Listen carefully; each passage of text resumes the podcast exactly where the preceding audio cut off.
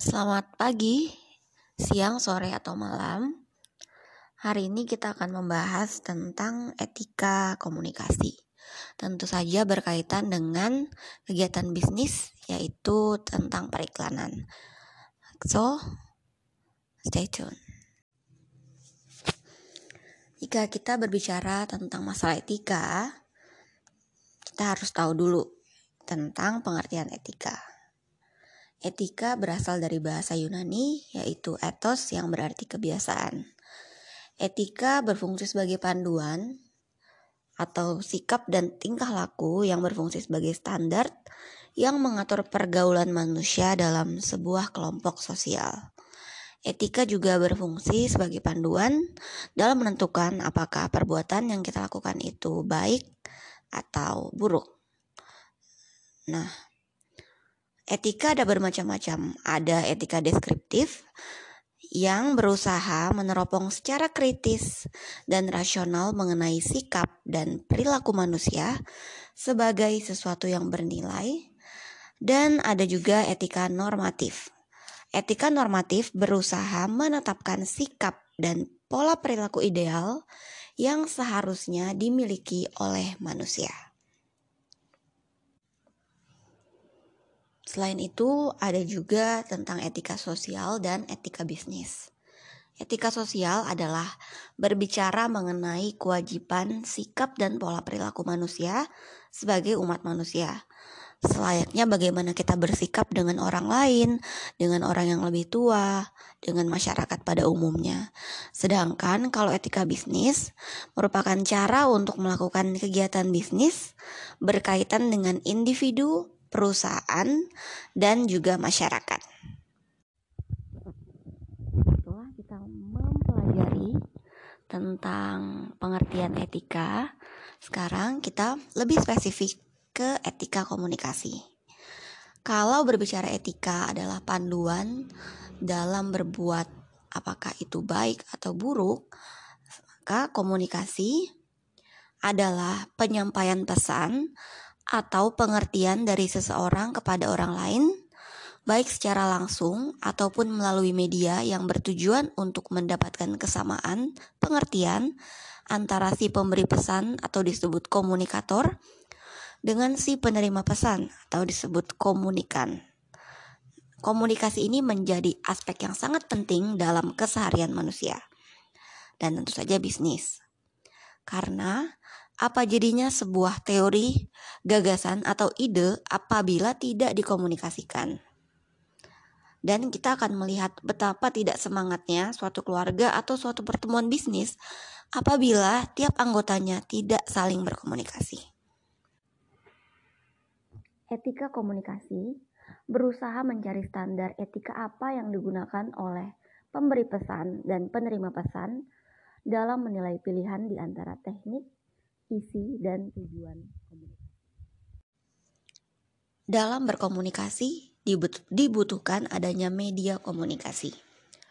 Media komunikasi adalah alat saluran untuk menyampaikan gagasan, ide-ide, pikiran manusia. Media komunikasi dapat berarti benda atau alat seperti surat, telepon, email, radio, televisi, surat kabar, majalah, film, dan lain-lain. Media-media tersebut mempunyai karakteristik yang berbeda satu sama lain yang masing-masing punya kekuatan dan kelemahan. Selain itu, media komunikasi dapat juga berarti non-alat, seperti lambang verbal maupun non-verbal, termasuk suasana, kondisi lingkungan, faktor personal dan situasional yang menunjang dan mendukung terjadinya komunikasi. Perkembangan teknologi informasi dan komunikasi dengan hadirnya internet menyebabkan derasnya arus informasi yang hadir dalam keragaman dan dalam waktu bersamaan, sehingga sering kali membuat manusia kebingungan untuk memilih dan menentukan informasi yang sesungguhnya dibutuhkan. Internet ini menyebabkan adanya yang disebut dengan publik dunia, karena Informasi tersebut dapat menyasar ke setiap orang di seluruh belahan dunia. komunikasi telah mencapai sebuah tingkatan di mana orang dapat berkomunikasi, menyampaikan pesan, dan menerima pesan dari jutaan manusia secara serentak dan serempak. Media komunikasi berfungsi untuk memperluas hubungan komunikasi antar manusia, juga memperbesar kemampuan manusia untuk menjalin hubungan komunikasi antar manusia. Tanpa adanya media komunikasi seperti lambang, pensil, kertas, telepon, ataupun podcast ini, pesan-pesan komunikasi tidak akan mencapai penerima pesan. Sebagai contoh, melalui surat, telepon, ataupun email, kita dapat berkomunikasi dengan rekan-rekan kita, bahkan yang berbeda negara sekalipun. Selain itu, media komunikasi juga berfungsi menyimpan pesan komunikasi yang berupa ide, gagasan, pikiran manusia, dan dapat pula berfungsi untuk mendistribusikan atau mentransfer pesan-pesan tersebut dari satu tempat ke tempat yang lain. Sebagai contoh, seluruh rangkaian acara televisi dapat diikuti secara serentak oleh pemirsanya. Atau seperti sekarang, kita melakukan perkuliahan via podcast. Jadi, dapat dikatakan bahwa komunikasi dengan menggunakan media, terutama media massa seperti televisi dan radio, adalah usaha menembus ruang dan waktu. Media komunikasi terbagi menjadi dua jenis, yaitu media primary berupa lambang verbal dan non-verbal. Yang kedua adalah media sekunder, yaitu media yang berwujud berbentuk benda atau alat.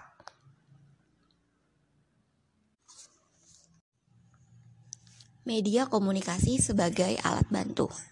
Seperti yang sudah kita bahas tadi, bahwa media komunikasi merupakan alat untuk menyalurkan pesan komunikasi dari komunikator kepada komunikan. Media komunikasi memperbesar kemampuan manusia untuk memproduksi beragam pesan berbentuk audio, seperti musik instrumen, percakapan lisan, musik bersyair, dakwah, pesan-pesan lainnya yang disalurkan melalui media radio, podcast, telepon, dan lain-lain. Selain pesan yang berbentuk audio, media komunikasi juga membantu manusia untuk menghasilkan pesan-pesan dalam bentuk visual yang dapat dilihat seperti tulisan, gambar, simbol-simbol melalui media surat kabar, majalah, buku, lukisan, dan lain-lain. Ada juga pesan komunikasi dalam bentuk audio visual, dapat dilihat dan sekaligus dapat didengar melalui media televisi, film, VCD, telepon seluler, dan lain-lain. Selain memproduksi dan mendistribusikan pesan, media komunikasi juga membantu menyimpan pesan komunikasi berupa ide, gagasan, dan pikiran manusia. Karena manusia sendiri punya kemampuan yang terbatas untuk mengingat seluruh informasi yang ada yang diterima dan yang dibutuhkannya. Karena itu, manusia membutuhkan sarana untuk menyimpan informasi tersebut untuk kemudian ditemukan kembali bila diperlukan. Sebagai alat, media komunikasi dibagi dalam dua kategori, yaitu media nirmasa dan media massa. Media nirmasa seperti surat, poster, telegram, telepon, spanduk, buletin, brosur, dan lain-lain untuk menjangkau satu atau sejumlah komunikan yang relatif sedikit. Nah, perbedaannya kalau media massa seperti surat kabar, radio, televisi, dan film digunakan untuk menjangkau ke lebih banyak penerima pesan. Kedua bentuk media ini memiliki karakter yang berbeda. Karena itu berbeda pula targetnya. Jadi sebagai pemberi pesan harus benar-benar memperhatikan karakteristik, ciri-ciri dan sifat media yang akan digunakan untuk menyampaikan pesan.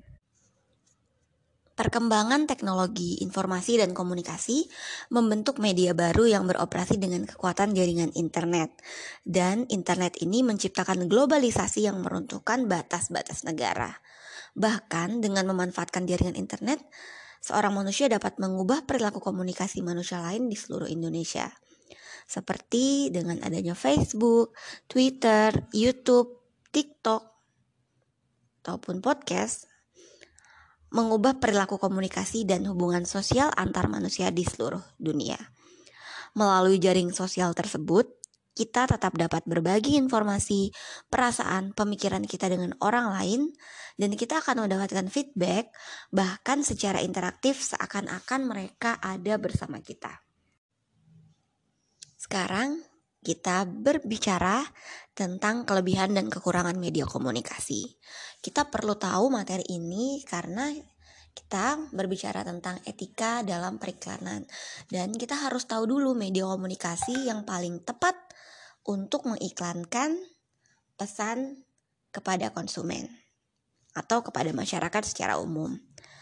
Nah, sekarang kalau kita berbicara tentang surat kabar, tentu saja surat kabar mempunyai hambatan dalam penerimaan umpan balik atau feedback karena kita tidak tahu langsung bagaimana reaksi penerima pesan terhadap pesan yang kita sampaikan. Sehingga komunikator atau pemberi pesan tidak dapat segera melakukan perubahan strategi apabila reaksi yang datang itu negatif.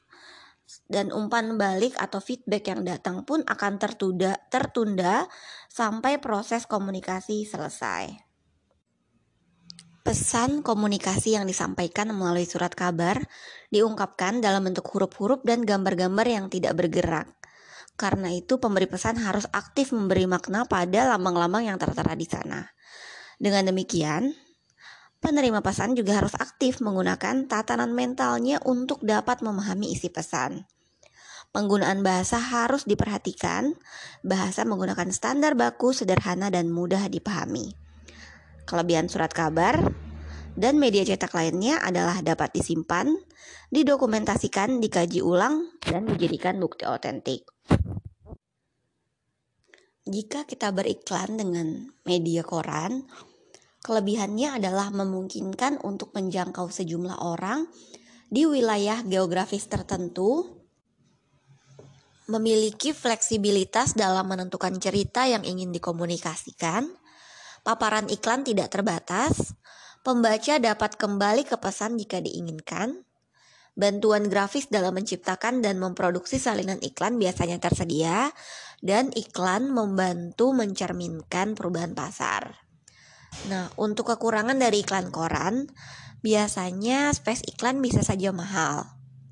Iklan harus bersaing melawan pengiklan lain, terutama iklan besar yang dijalankan supermarket dan department store, serta iklan pesaing. Selain itu, produksi foto yang kurang juga membatasi kreativitas. Selain itu, Koran adalah media yang berorientasi pada harga. Kebanyakan iklan untuk penjualan biasanya dibaca sekali. Dan koran adalah media yang sangat terlihat sehingga kompetitor pun dapat dengan cepat beraksi. Selanjutnya untuk media cetak yang lain ada iklan majalah. Meskipun harganya lebih mahal, kelebihannya memungkinkan penargetan pembaca yang lebih baik karena dapat memiliki publikasi majalah yang melayani audiens yang spesifik atau editorial yang menghususkan diri dalam topik yang menarik bagi audiens. Dengan iklan majalah, keterlibatan pembaca tinggi. Itu artinya lebih banyak perhatian kepada iklan yang dipasang. Kualitas kertas di majalah juga lebih uh, baik daripada koran. Hal ini memungkinkan reproduksi warna yang lebih baik dan iklan lebih berwarna sehingga menarik si penerima pesan. Kekurangannya, waktu yang panjang berarti harus memastikan rencana beberapa minggu atau bulan sebelumnya. Lead time yang lebih lambat mempertegas resiko iklan Anda dapat disalip oleh kejadian atau peristiwa. Ada kebebasan yang terbatas dalam hal penempatan iklan dan format dan juga biaya space dan tata letak iklan lebih mahal. Oke, selanjutnya adalah media massa yang berbentuk radio.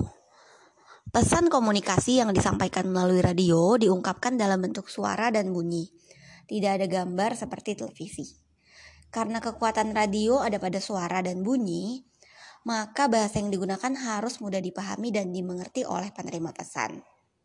Kelebihannya, pesan komunikasi dapat ditata sedemikian rupa dengan efek suara yang tepat sehingga dapat menimbulkan kesan yang diinginkan. Keunggulan lainnya adalah para pendengar radio dapat menikmati siaran radio sambil mengerjakan pekerjaan yang lain.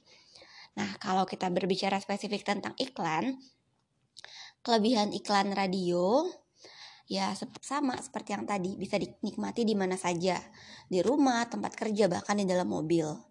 Format acara yang luas menawarkan efisiensi dana periklanan untuk segmen yang dirumuskan secara sempit.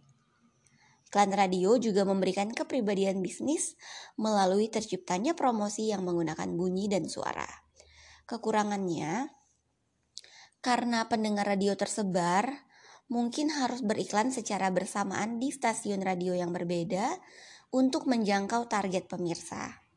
Pendengar tidak bisa kembali ke poin penting iklan.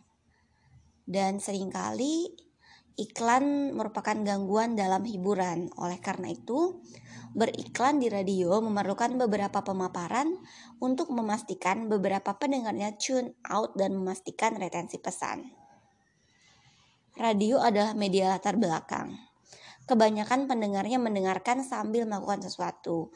Itu artinya iklan harus bekerja keras untuk mendapatkan perhatian mereka. Selanjutnya adalah media televisi. Pesan komunikasi yang disampaikan melalui televisi diungkapkan dalam bentuk gambar dan tulisan serta suara dan bunyi.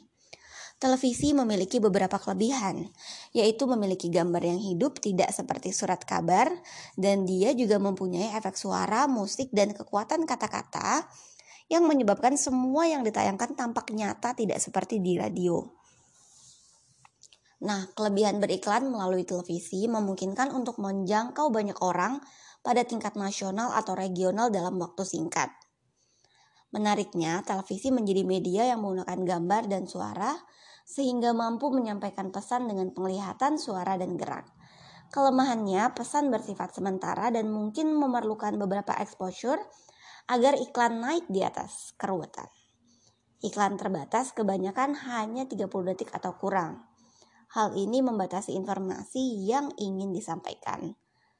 Iklan televisi juga relatif lebih mahal dalam hal biaya kreatif, produksi, dan airtime. Oke, kalau tadi kita sudah membahas tentang iklan di media massa. Sekarang ada juga media periklanan yang banyak digunakan oleh para pebisnis kecil ataupun para pebisnis besar yang sekarang lebih banyak digunakan yaitu iklan menggunakan media internet. Iklan menggunakan media internet juga ada beberapa macam ya.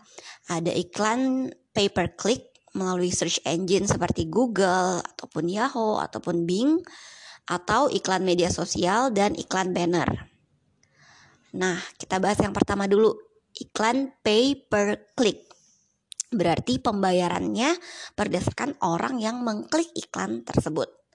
Seiring dengan pesatnya perkembangan media sosial, penggunaan iklan pay per click juga ikut berkembang. Nah, apa sih kelebihannya? Adapun kelebihan uh, dari pay per click ini, kita hanya membayar berdasarkan klik dari pemirsa dan dapat memilih iklan mana yang akan ditampilkan, dapat memilih tampilan langsung, iklannya dapat diubah, dan juga dapat dilacak melalui fitur-fitur seperti Google Analytics. Nah, kekurangannya sistem pencocokan yang luas. Ini dapat mengakibatkan iklan tidak relevan dengan pencarian yang dimaksudkan. Penawaran harga itu biasanya berbasis dari keywords atau kata kunci dan bisa mahal untuk keyword yang sering digunakan. Persaingan penawaran harga bisa mengakibatkan kompetitor menawarkan harga yang lebih tinggi atau lebih rendah sehingga mungkin lebih dilihat oleh customer sehingga memerlukan pemantauan yang lebih sering. Kalau beriklan melalui media sosial juga sedang hype atau mengalami pertumbuhan luar biasa dalam beberapa tahun terakhir. Nah, kelebihan media sosial itu dapat membangun hubungan pelanggan dan menawarkan jangkauan yang luar biasa. Dan juga dengan beriklan melalui media sosial dapat berpotensi menjadi viral marketing dapat menargetkan trafik yang dihasilkan serta menjadi salah satu pilihan yang relatif terjangkau. Tapi ada juga kekurangannya, yaitu penargetannya sangat rendah karena keragaman dan luasnya halayak sehingga ROI rendah akibat pengunjung yang tidak terkonversi. Selanjutnya adalah iklan banner. Iklan banner merupakan salah satu bentuk dominan dari iklan online. Ini merupakan tampilan iklan grafis yang unik dengan ukuran khas panduk 468 x 60. Iklan banner bisa dijalankan dengan paper impression, paper click atau paper action. Jadi kalau paper impression uh, misalnya berdasarkan seribu kali uh, iklan itu tayang atau paper click berdasarkan iklan itu diklik atau paper action berdasarkan uh, jika iklan tersebut diklik dan customer menelpon uh, si pe penyedia iklannya. Nah, Kelebihan dari iklan banner adalah penempatan dan desain yang baik. Iklan banner dapat memberikan di atas rata-rata iklan lainnya. Iklan banner juga merupakan alat branding yang baik dan juga dapat dilacak dengan alat pelacakan yang tersedia dan dapat membawa traffic bertarget yang tertarik dengan penawaran pebisnis atau penyedia iklan. Kekurangannya, beberapa jenis iklan banner ini terlihat menjengkelkan dan sangat pemba sangat mengganggu Pertumbuhan penggunaan bloker iklan mencegah pengguna melihat iklan. Selain itu juga oversaturation iklan banner menyebabkan kebutaan iklan, serta harga iklan menurun akibat desain banner. Asas periklanan Iklan dan iklan dan pelaku periklanan harus jujur, benar dan bertanggung jawab, bersaing secara sehat, dan melindungi serta menghargai masyarakat tidak merendahkan agama, budaya, negara, dan golongan, serta tidak bertentangan dengan hukum yang berlaku.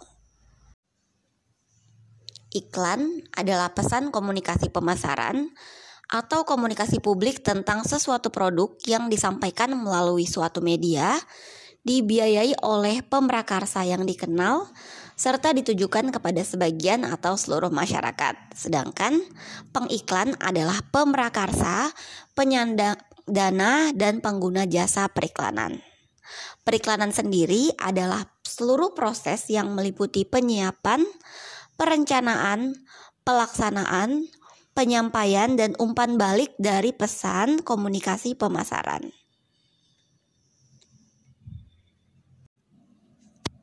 Oke, untuk Q&A yang pertama, jelaskan arti media komunikasi. Yang kedua, jelaskan fungsi media komunikasi. Yang ketiga, jelaskan apa yang dimaksud dengan media sebagai alat bantu. Yang keempat, apa perbedaan antara media massa dengan media nirmasa? Yang kelima, jelaskan etika isi iklan berdasarkan bahasa yang digunakan.